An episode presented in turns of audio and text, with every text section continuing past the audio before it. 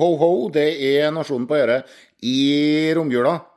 Eh, og vi er på same procedure som eh, last year. Eh, det er nemlig innført hastejuss for ulven igjen. Eh, forrige vinter så prøvde ulveorganisasjoner å stoppe jakta. Det ble en flopp. Tør tingretten å utsette ulvejakta denne vinteren også? I år som i fjor må Oslo tingrett hastevurdere midlertidig stans i ulvejakta, som egentlig skal starte om fem dager. Det her unødvendige romjulsstresset inntreffer etter et halvt år med møysommelig arbeid basert på vurderinger av en gjennomdokumentert ulvebestand. 30.12. i fjor, to dager før jaktstart, stoppa tingretten jakta på fire revirer i forvaltningssonen for ulv. Det skyldtes ikke at retten fant noen vektige argumenter hos klagerne, som altså leverte krav om midlertidig forføyning. Sitat. Retten understreker at denne preliminære beslutning er foretatt ut fra en ren tidsnød. Sitat slutt. Denne tidsnøden kunne altså vært unngått. Den svenske lisensjakta blir vedtatt i september. I år ble den påklaga, og så stadfesta i god tid før jakta. På norsk side insisterer regjeringa på å vente på oppdaterte anslag for ulvebestanden før vedtak. Slike oppdaterte anslag kom først 15.12., for knappe to uker siden. Det kan ha gode grunner for seg å vente på den beste, mest oppdaterte kunnskapen før man treffer jaktvedtak. Problemet er at det ikke synes å gi kvalitativt bedre vedtak. I romjula i fjor etter lang saksbehandling fant tingretten at det ikke forelå noe citat, 'tilstrekkelig belyst saksgrunnlag som gjør det mulig for domstolen å kunne foreta noen forsvarlig vurdering av det omstridte vedtakets gyldighet'. Citat, slutt.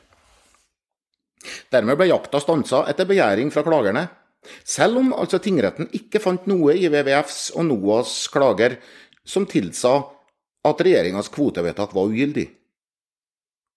Hvis Espen Barth Eide vil unngå stress i romjula, så kan klima- og miljøministeren gjøre som svenskene og vedta jaktkvotene i september. Senere kunnskap om bestandsutvikling kan han ta hensyn til i den årevisse klagebehandlinga. Da lagmannsretten i februar i år endelig fikk tid på seg til å vurdere klagene til WWF og NOAH fra forrige vinter, så falt klagene sammen som korthus. Sitat etter lagmannsrettens syn er det ingen feil ved departementets rettsanvendelse. Sitat slutt. Ifølge retten hadde departementet gjort en bred vurdering av relevante hensyn, og lagt til grunn at terskelen for å felle ulv skal være høy innenfor ulvesonen.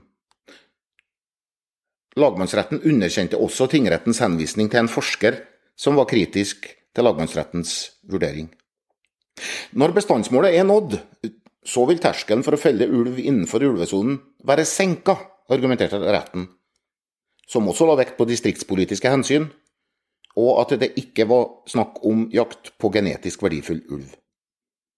Dermed kunne jakta starte, og ulveflokkene ble tatt ut sist vinter, delvis etter ekstraordinære, kostbare uttak gjennomført av Statens naturoppsyn.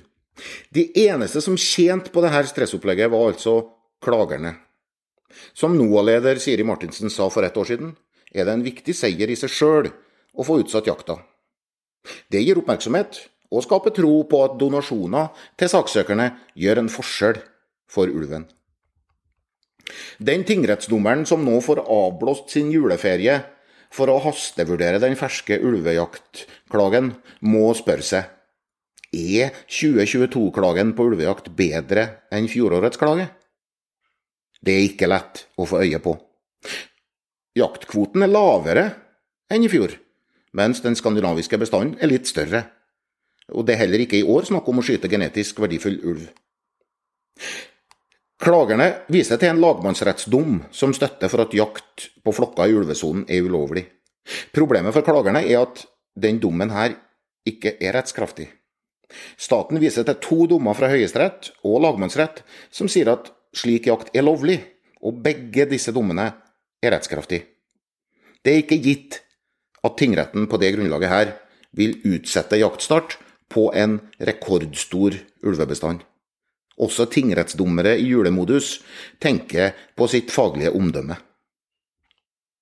Det var Nasjonen på øret i romjula. Husk at det er jaktfredning i, før 1.1, og ha en fortsatt fin romjul.